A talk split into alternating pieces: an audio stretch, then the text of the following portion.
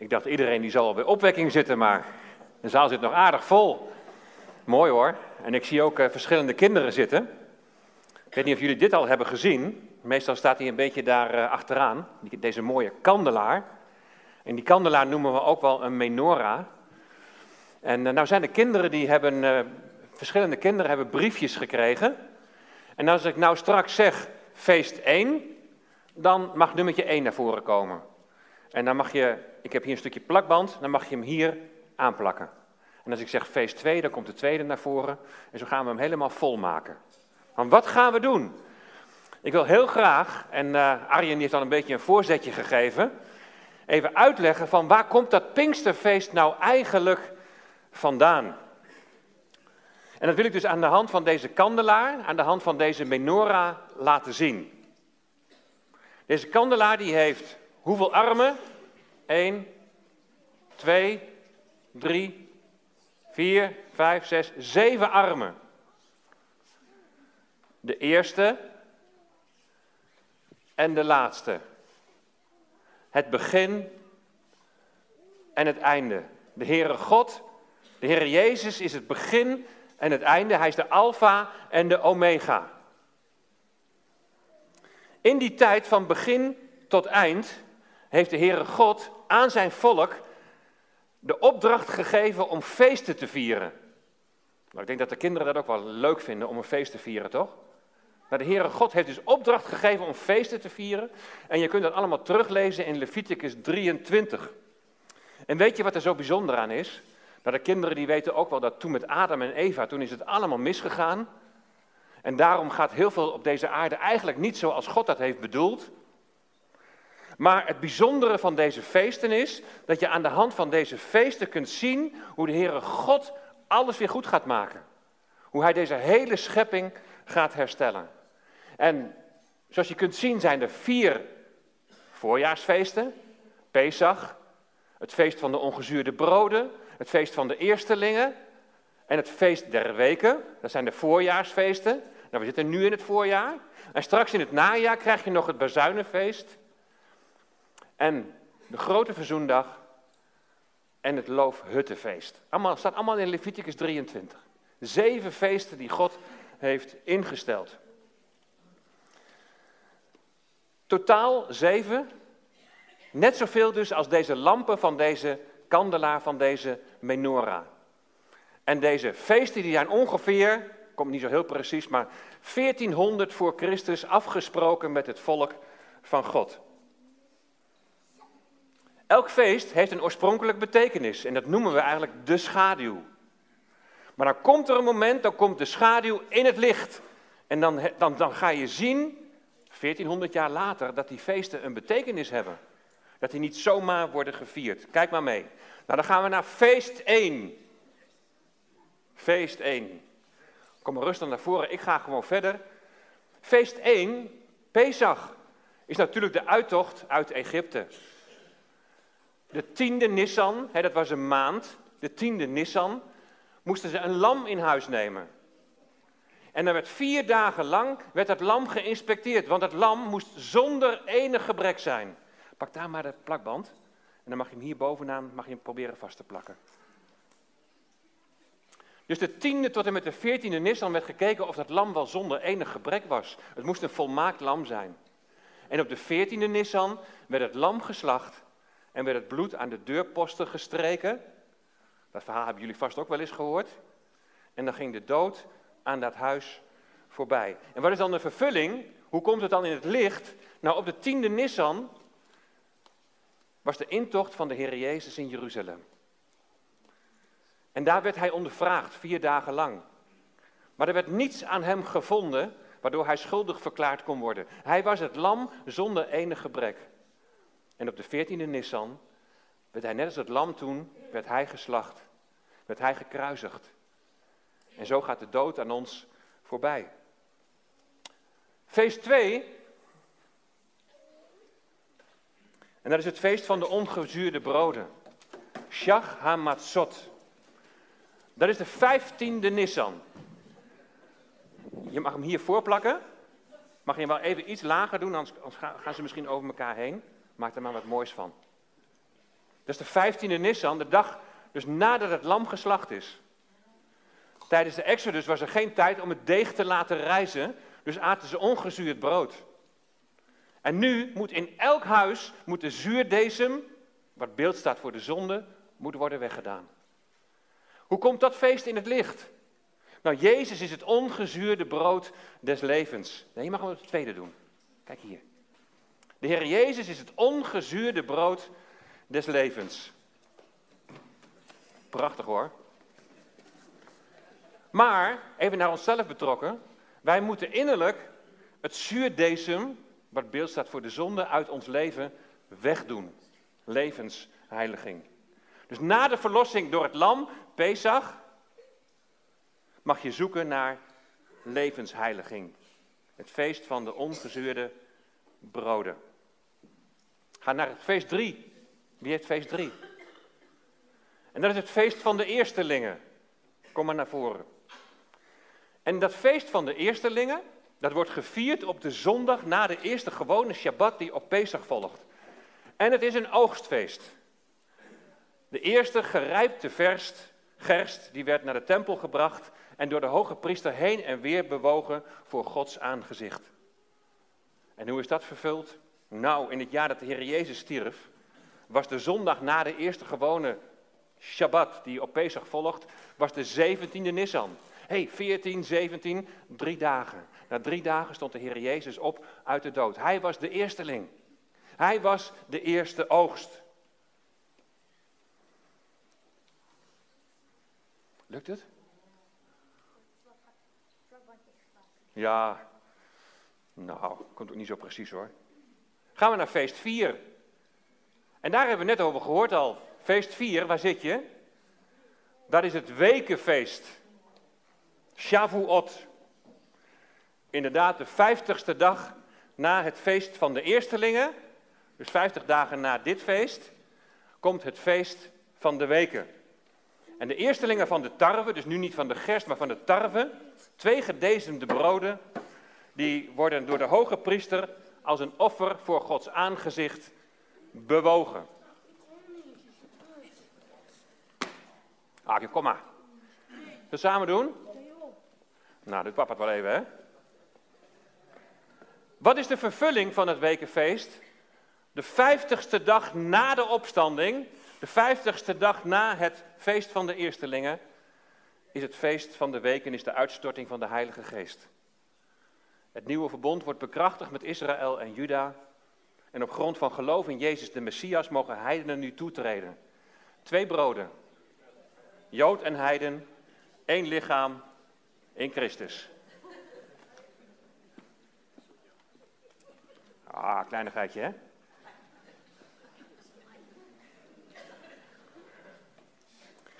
Dit zijn dus de voorjaarsfeesten en die zijn allemaal vervuld. Pesach, de kruisiging. Het feest van de ongezuurde broden. Het zuurdesem, de zonde uit je leven wegdoen. Het feest van de eerstelingen, de opstanding. En het feest van de weken, uitstorting van de Heilige Geest. Deze feesten zijn dus allemaal vervuld. En dat kunnen we nog niet zeggen van de drie resterende feesten, van de najaarsfeesten. En ik geef even heel kort nog aan waar deze drie najaarsfeesten over gaan, met name wat de vervulling betreft. Het vijfde feest is het Bazuinenfeest, Yom Teruah. In hoofdstuk 1 van de openbaring staat dat Johannes wordt meegevoerd in de dag des Heren. En wat klinkt er dan? Dan klinkt er een bazuin. Goed zo, kom maar. Dan klinkt er een bazuin. Nou, de profeten uit het Oude Testament die spreken al over die dag des Heren als een dag dat de oordelen beginnen. En zo komt het volk ook tot inkeer en tot berouw. Het bazuinenfeest zie ik allereerst als de aanvang van die dag des Heren. De aanvang van de laatste jaarweek van Daniel. Dankjewel. Daarna zijn de meningen wat verdeeld of het ook zou, op, zou gaan over de opname van de gemeente. Want ook daar, 1 Thessalonicense 4, als we de Heer tegemoet gaan in de lucht, klinkt er een bazuin. Nou, ik denk dat deze twee in relatie met elkaar staan. Dat de gemeente wordt opgenomen voor de grote verdrukking. Het zesde feest is de grote verzoendag. En de vervulling van dit feest is de wederkomst van de Heer Jezus aan het eind van de grote verdrukking. En de vervulling is dan ook de verzoening met Israël. Zoals de hoge priester op die dag verzoening deed voor het hele volk, zo gaat de hemelse hoge priester ook verzoening doen voor zijn volk. Bij de wederkomst van de Heer Jezus. Dat feest van de eerstelingen, dat was de eerste oogst, de Heer Jezus. Het feest van de weken is de tweede oogst. De gelovigen die Christus leren kennen. En grote verzoendag, de verzoening met Israël, betekent de nalezing van de oogst. Zo mooi hoe de Heere God het allemaal heeft bedacht. En dan het zevende en het laatste feest is het Loofhuttenfeest. Feest nummer 7. Kijk, goed zo. Kom ook maar naar voren toe. Dan maken we hem helemaal compleet. En het Loofhuttenfeest, de vervulling van dit feest, is de aanvang van het duizendjarig vrederijk. Het moment waarop de Heer Jezus Christus zijn koninkrijk op aarde zal vestigen.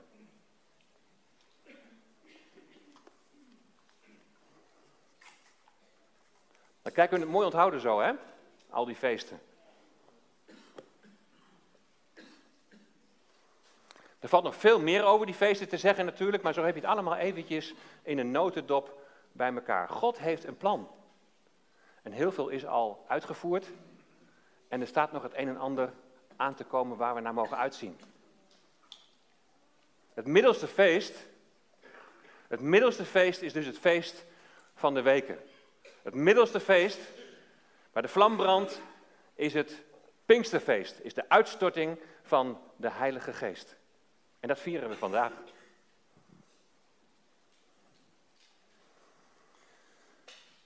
Het, is de, de, het middelste feest is het wekenfeest, de tarweoogst, 50 dagen na de gerstenoogst. En de tarweoogst is de vervulling van de tweede oogst, die zij die van Christus zijn. De Heilige Geest wordt uitgestort. Het feest dat we vanmorgen vieren. Weet je, als je Handelingen 2 begint te lezen, is natuurlijk het bekende gedeelte over het Pinksterfeest, dan, dan begint dat met van op de Pinksterdag. Of met Pinksteren. Maar letterlijk staat daar de vijftigste dag. Het is de vijftigste dag na de opstanding van de Heer Jezus. Nou, wat heeft dit allemaal te maken met openbaring 2? Met openbaring 2 vanaf vers 1. Een brief aan de gemeente in Efeze. Mooi plaatje, hè? kun je even zien waar Efeze ligt. In West-Turkije. En daar in het water, daar ligt het eiland Patmos, waar Johannes zich bevindt. En deze kandelaar, deze menorah, die staat ook centraal in Openbaring 1, 2 en 3. Johannes zit gevangen op het eiland Patmos in de Egeïsche Zee tussen, tussen Griekenland en Turkije. En dan krijgt hij daar een visioen. In de geest wordt hij meegenomen en hij krijgt dan een blik in de toekomst. God laat hem zien wat er in de toekomst allemaal zal gaan gebeuren. De toekomst is de dag des Heren en daar hoort een bazuin bij, hebben we net gehoord. Als je het Oude Testament niet kent, dan heb je geen idee waar dit over gaat. Maar een Jood, die zal direct denken aan wat de profeten daarover hebben gezegd. De dag des Heren is de dag dat Gods oordelen over deze aarde zullen komen. En van Daniel hebben we geleerd dat het een periode van zeven jaar zal zijn. Zeven jaar voordat de Heer Jezus terugkomt. Grote verzoendag. En Johannes krijgt dan een visioen over wat er allemaal in die periode staat te gebeuren en hoe de Heer Jezus weer terug zal komen. Want dat is waar we naar uitzien. En wat hij ziet, moet hij allemaal opschrijven. En we zijn nu 2000 jaar verder. En nu kunnen wij allemaal nog weer teruglezen wat Johannes destijds allemaal opgeschreven heeft en wat hij heeft gezien. En wat ziet hij nu? Hij ziet zeven gouden kandelaren, net zoals deze kandelaar, maar dan een kandelaren van goud, van echt goud. En die zeven kandelaren zijn de zeven gemeenten Johannes, wordt dan tegen hem gezegd. En in het midden van die kandelaren, van die zeven kandelaren, die zeven gemeenten, daar loopt de Heer Jezus. De Heer Jezus staat in het middelpunt. En hij kijkt hoe die gemeenten, hoe die allemaal functioneren. Maar vandaag gaan we kijken naar die eerste gemeente, de gemeente in Efeze. Hoe functioneert de gemeente in Efeze? Maar hoe functioneert de fontein? Is er herkenning? Zijn er misschien leerpunten voor ons? Wat is de link met Pinksteren? Maar we gaan het lezen. Wat ik geel heb gearcheerd in de tekst, Dat vind je in elk van die zeven brieven terug. Er zit dus helemaal een vast patroon in al die zeven brieven. Lees maar mee. Schrijf aan de engel. En we hebben vorige keer gezien dat die engel een boodschapper is. Dat die engel wellicht een voorlezer is in een synagogegemeente. Schrijf aan de engel van de gemeente in Efeze. Dit zegt hij die de zeven sterren in zijn hand houdt. Die zeven sterren, dat zijn die zeven engelen. Dat zijn die zeven boodschappers, die zeven voorlezers. En dat de Heer Jezus ze in zijn hand heeft, dat betekent ze staan onder zijn gezag. Hij bepaalt wat ze zullen gaan lezen. Die hij in zijn rechterhand houdt, die te midden, de Heer Jezus, die te midden van de zeven gouden kandelaren, die te midden van die zeven gemeenten wandelt. En dan, ik ken, ik ken uw werken, uw inspanning en uw volharding. En weet dat u slechte mensen niet kunt verdragen. En dat u hen op de proef hebt gesteld, die van zichzelf zeggen dat zij apostelen zijn, maar het niet zijn. En dat u hebt ontdekt dat zij leugenaars zijn. En u hebt moeilijkheden verdragen en volharding getoond. Om mijn naam hebt u zich ingespannen en bent niet moe geworden. Maar ik heb tegen u dat u uw eerste liefde hebt verlaten. Bedenk dan van welke hoogte u gevallen bent. Bekeer u en doe de eerste werken. Maar zo niet, dan kom ik spoedig bij u en zal uw kandelaar van zijn plaats nemen als u zich niet bekeert. Maar dit hebt u voor, dat u de werken van de Nicolaïten haat, die ik ook haat. Wie oren heeft, laat hij horen wat de geest tegen de gemeente zegt. Wie overwint, hem zal ik te eten geven van de boom des levens, die midden in het paradijs van God staat. Tot zover. Ik weet niet hoe zo'n uh, Bijbelgedeelte bij jou overkomt. Hoe dat binnenkomt als je dit zo leest. Wat mij jaren heeft bezig gehouden met deze zeven brieven, is dat de toon anders is dan de brieven van Paulus. Ik weet niet of je dat ook opgemerkt hebt. De nadruk ligt veel meer op de werken, op het doen. Het lijkt erop alsof je nog iets moet verdienen om gered te worden. Tenminste, zo komt het bij mij over. En natuurlijk, het geloof zonder de werken is dood. Heel duidelijk.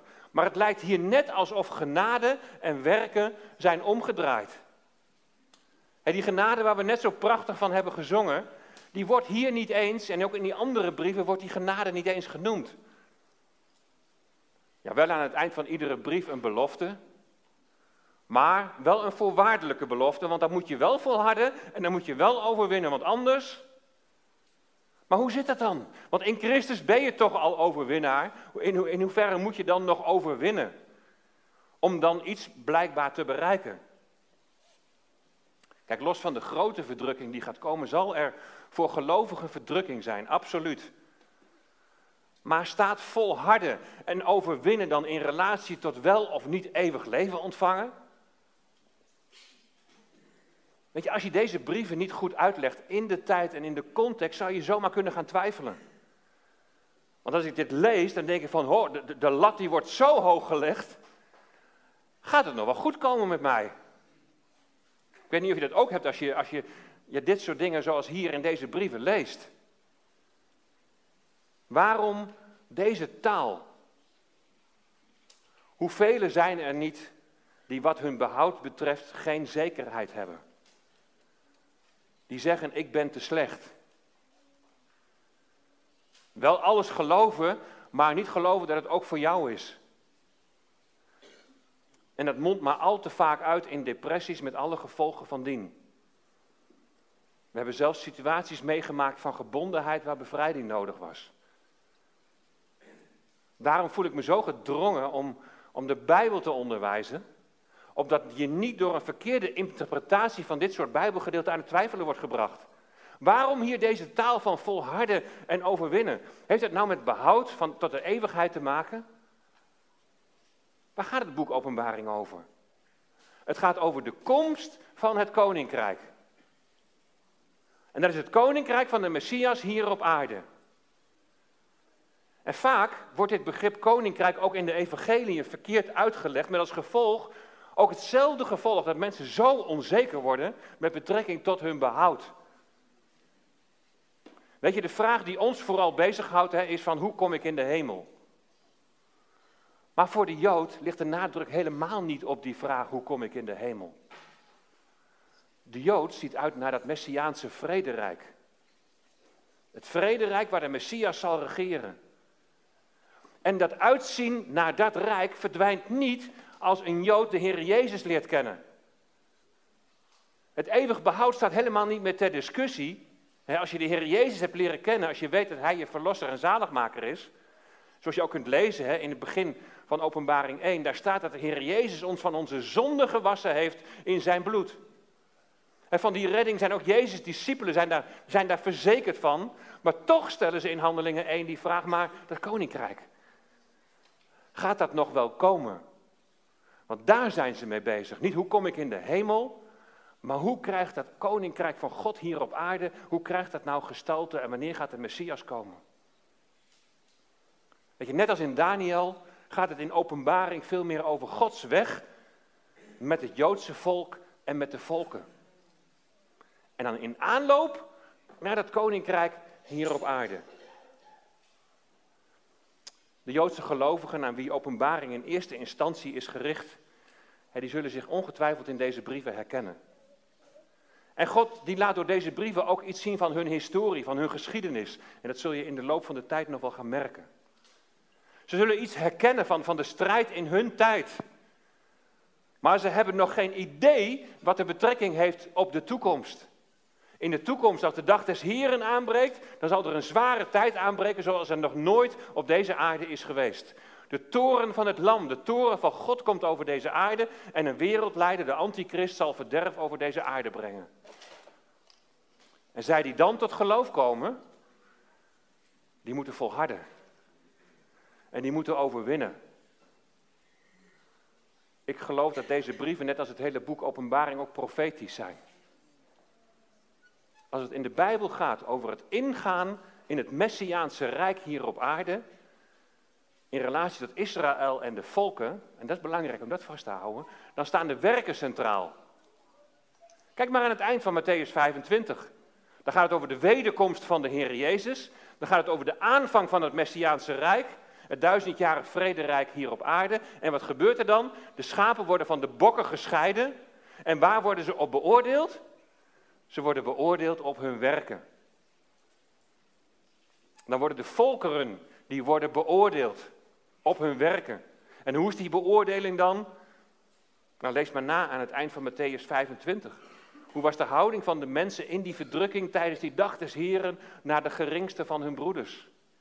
Het Joodse volk. Hebben zij ze te eten gegeven? Hebben zij ze te drinken gegeven? Hebben ze ze in de gevangenis bezocht? Ze worden beoordeeld op de werken om wel of niet toegang te krijgen tot het aardse koninkrijk hier op aarde. Het onderwerp hier in openbaring is niet hoe kom ik nou in de hemel, maar net als in Daniel, hoe gaat God zijn weg met Israël en met de volken? Hoe krijgen zij toegang tot dat Messiaanse Rijk? Weet je, en dat het, dat het ook aardsgericht is, zie je ook bij de belofte in vers 7. Zij die volharden en overwinnen, zullen eten van de boom des levens in het midden van het paradijs. In openbaring 22 komt die boom weer terug en dan kun je lezen dat op de nieuwe aarde, op de aarde, de weg tot de boom des levens weer toegankelijk wordt gemaakt. Laat je dus niet afschrikken als het hier lijkt alsof je nog iets moet verdienen. Want dat is niet zo, want dan zou het geen genade zijn. Genade zo oneindig groot. Maar dat neemt niet weg dat in deze brief en ook in de volgende brieven uiteraard voor ons wel hele goede lessen staan. De toenmalige gemeenten werden beoordeeld en ze moesten daar lessen uittrekken, net zoals wij dat nu ook doen. En die zeven brieven beginnen allemaal met schrijf aan de engel. Schrijf aan de voorlezer in de gemeente. En dan volgt er iets waar je heel goed van doordrongen moet zijn. Het tweede gezamenlijke aspect in alle zeven brieven, namelijk dit zegt Hij. Het is de Heer Jezus die spreekt. Hij is het die in het centrum staat van die zeven gouden kandelaren. Dit zegt Hij, die gezag heeft over de zeven voorlezers en die bepaalt wat ze zullen lezen. Dit zegt hij en dan moet je dus je oren gaan spitsen. Wat gaat hij zeggen en hoe zal hij de gemeente beoordelen? Hij weet alles van het functioneren van de gemeente. Wat heeft de Heer Jezus ons vanmorgen te zeggen? Dit zegt Hij. Hij spreekt.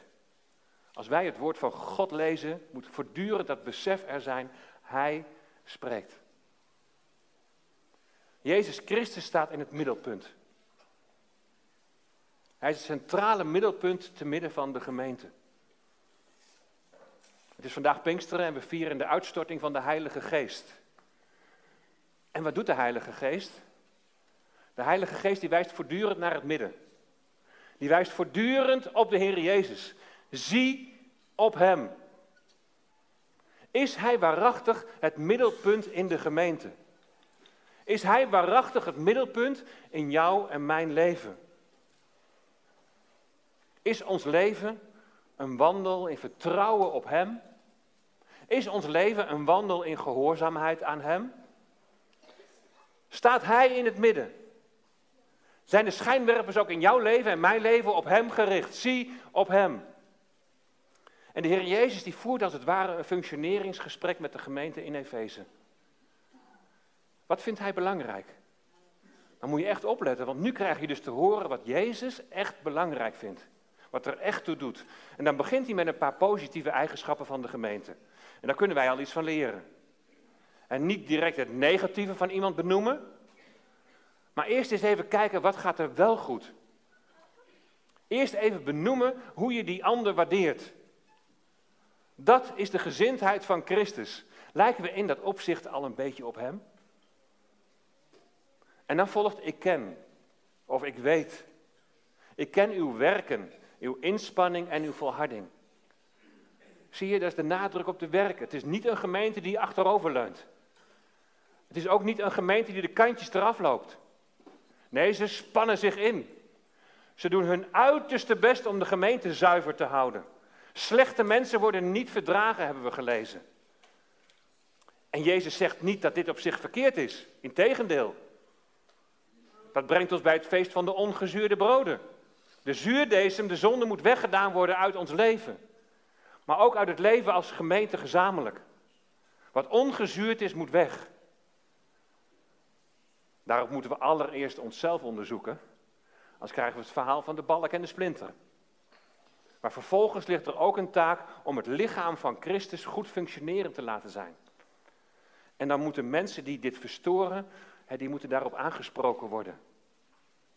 Er kunnen zomaar mensen binnendringen die een verkeerde leer verkondigen. Nou, complimenten aan de gemeente in Efeze. Want ze ontmaskeren mensen die zeggen dat ze apostelen zijn, dat ze gezondenen van God zijn, maar ze zijn het niet. Ze hebben moeilijkheden verdragen en volharding getoond. Volharden betekent dat je volhoudt ondanks dat je tegenslagen meemaakt. Je geeft niet op. En volharding, dat zo nodig is in relatie tot vervolging. En dat zal zeker tijdens die grote verdrukking heel erg belangrijk zijn. Kortom, allemaal positieve duidingen van de gemeente. Ook in vers, vers 6 wordt nog even een positief element toegevoegd. Dat ze de leer van de Nicolaïten haten, die God ook haat. Het is niet helemaal duidelijk wie die Nicolaïten nou precies zijn, maar wat we wel weten is dat ze een soort van secte zijn die gelovigen willen verleiden tot afgoderij en tot seksuele immoraliteit. Nou, die verleidingen zijn er in onze dagen ook. Afgoderij is alles wat je van God afhoudt. Tim Keller, die vorige week is overleden trouwens, die heeft een prachtig boek geschreven over hedendaagse afgoden. Alles wat jou meer in beslag neemt dan jouw gerichtheid op God. Seksuele immoraliteit wordt zowel buiten als in toenemende mate ook binnen de kerk als heel normaal gezien. Seksualiteit heeft, man, heeft God gegeven aan man en vrouw binnen de grenzen van het huwelijk en niet daarvoor en niet daarbuiten. En het lijkt erop dat dit tegenwoordig meer en meer in de gemeente van Jezus Christus niet meer serieus wordt genomen. Gij geheel anders. Gij hebt Christus leren kennen. Ook wat dat betreft houdt de gemeente in Efeze de boel zuiver. Wat al deze dingen betreft zijn ze een voorbeeldgemeente. De Heer Jezus die prijst ze daarom. Ze verdienen een pluim. Wat de verkondiging en wat de, wat de toepassing van de waarheid betreft, scoren ze hoog. Scoren ze optimaal. Maar dan ineens worden al deze positieve beoordelingen worden in één keer weggevaagd. Worden in één keer weggeblazen. Maar ik heb tegen u dat u uw eerste liefde hebt verlaten. De eerste liefde verlaten? Ja, maar wat de waarheid betreft scoren we toch wel een 9. Hè? Niet de volmaaktheid van 10, maar oké, een hoog cijfer, een 9. Hè, dat compenseert toch wel een onvoldoende, die 3 voor de liefde. Dan is het altijd nog gemiddeld een 6. En net een voldoende. Nou, natuurlijk, 6 kan altijd beter, maar voldoende is toch voldoende? Maar zo werkt het niet. Zonder de liefde kun je een streep zetten door die negen. Zonder de liefde is die negen helemaal niks waard. Ik heb tegen u dat u uw eerste liefde hebt verlaten. Wat wordt daarmee bedoeld? Als je het eerst, in eerste instantie in de Joodse context plaatst, dan voert de eerste liefde ons terug naar de dag van Israëls bruidstijd. God koos het volk omdat hij ervoor koos het volk lief te hebben. En de profeet Jeremia die moet ten aanhoren van Jeruzalem prediken. En hij zegt, zo zegt de Heer, ik denk aan u, aan de genegenheid van uw jeugd, aan de liefde van uw bruidsdagen, toen u achter mij aanging in de woestijn, in een land waarin niet wordt gezaaid. De Heere God en Israël zijn met elkaar getrouwd, het is een liefdesrelatie. Maar dan, dan lees je vanaf vers 5 het volgende. Wat voor onrecht hebben uw vaderen in mij gevonden?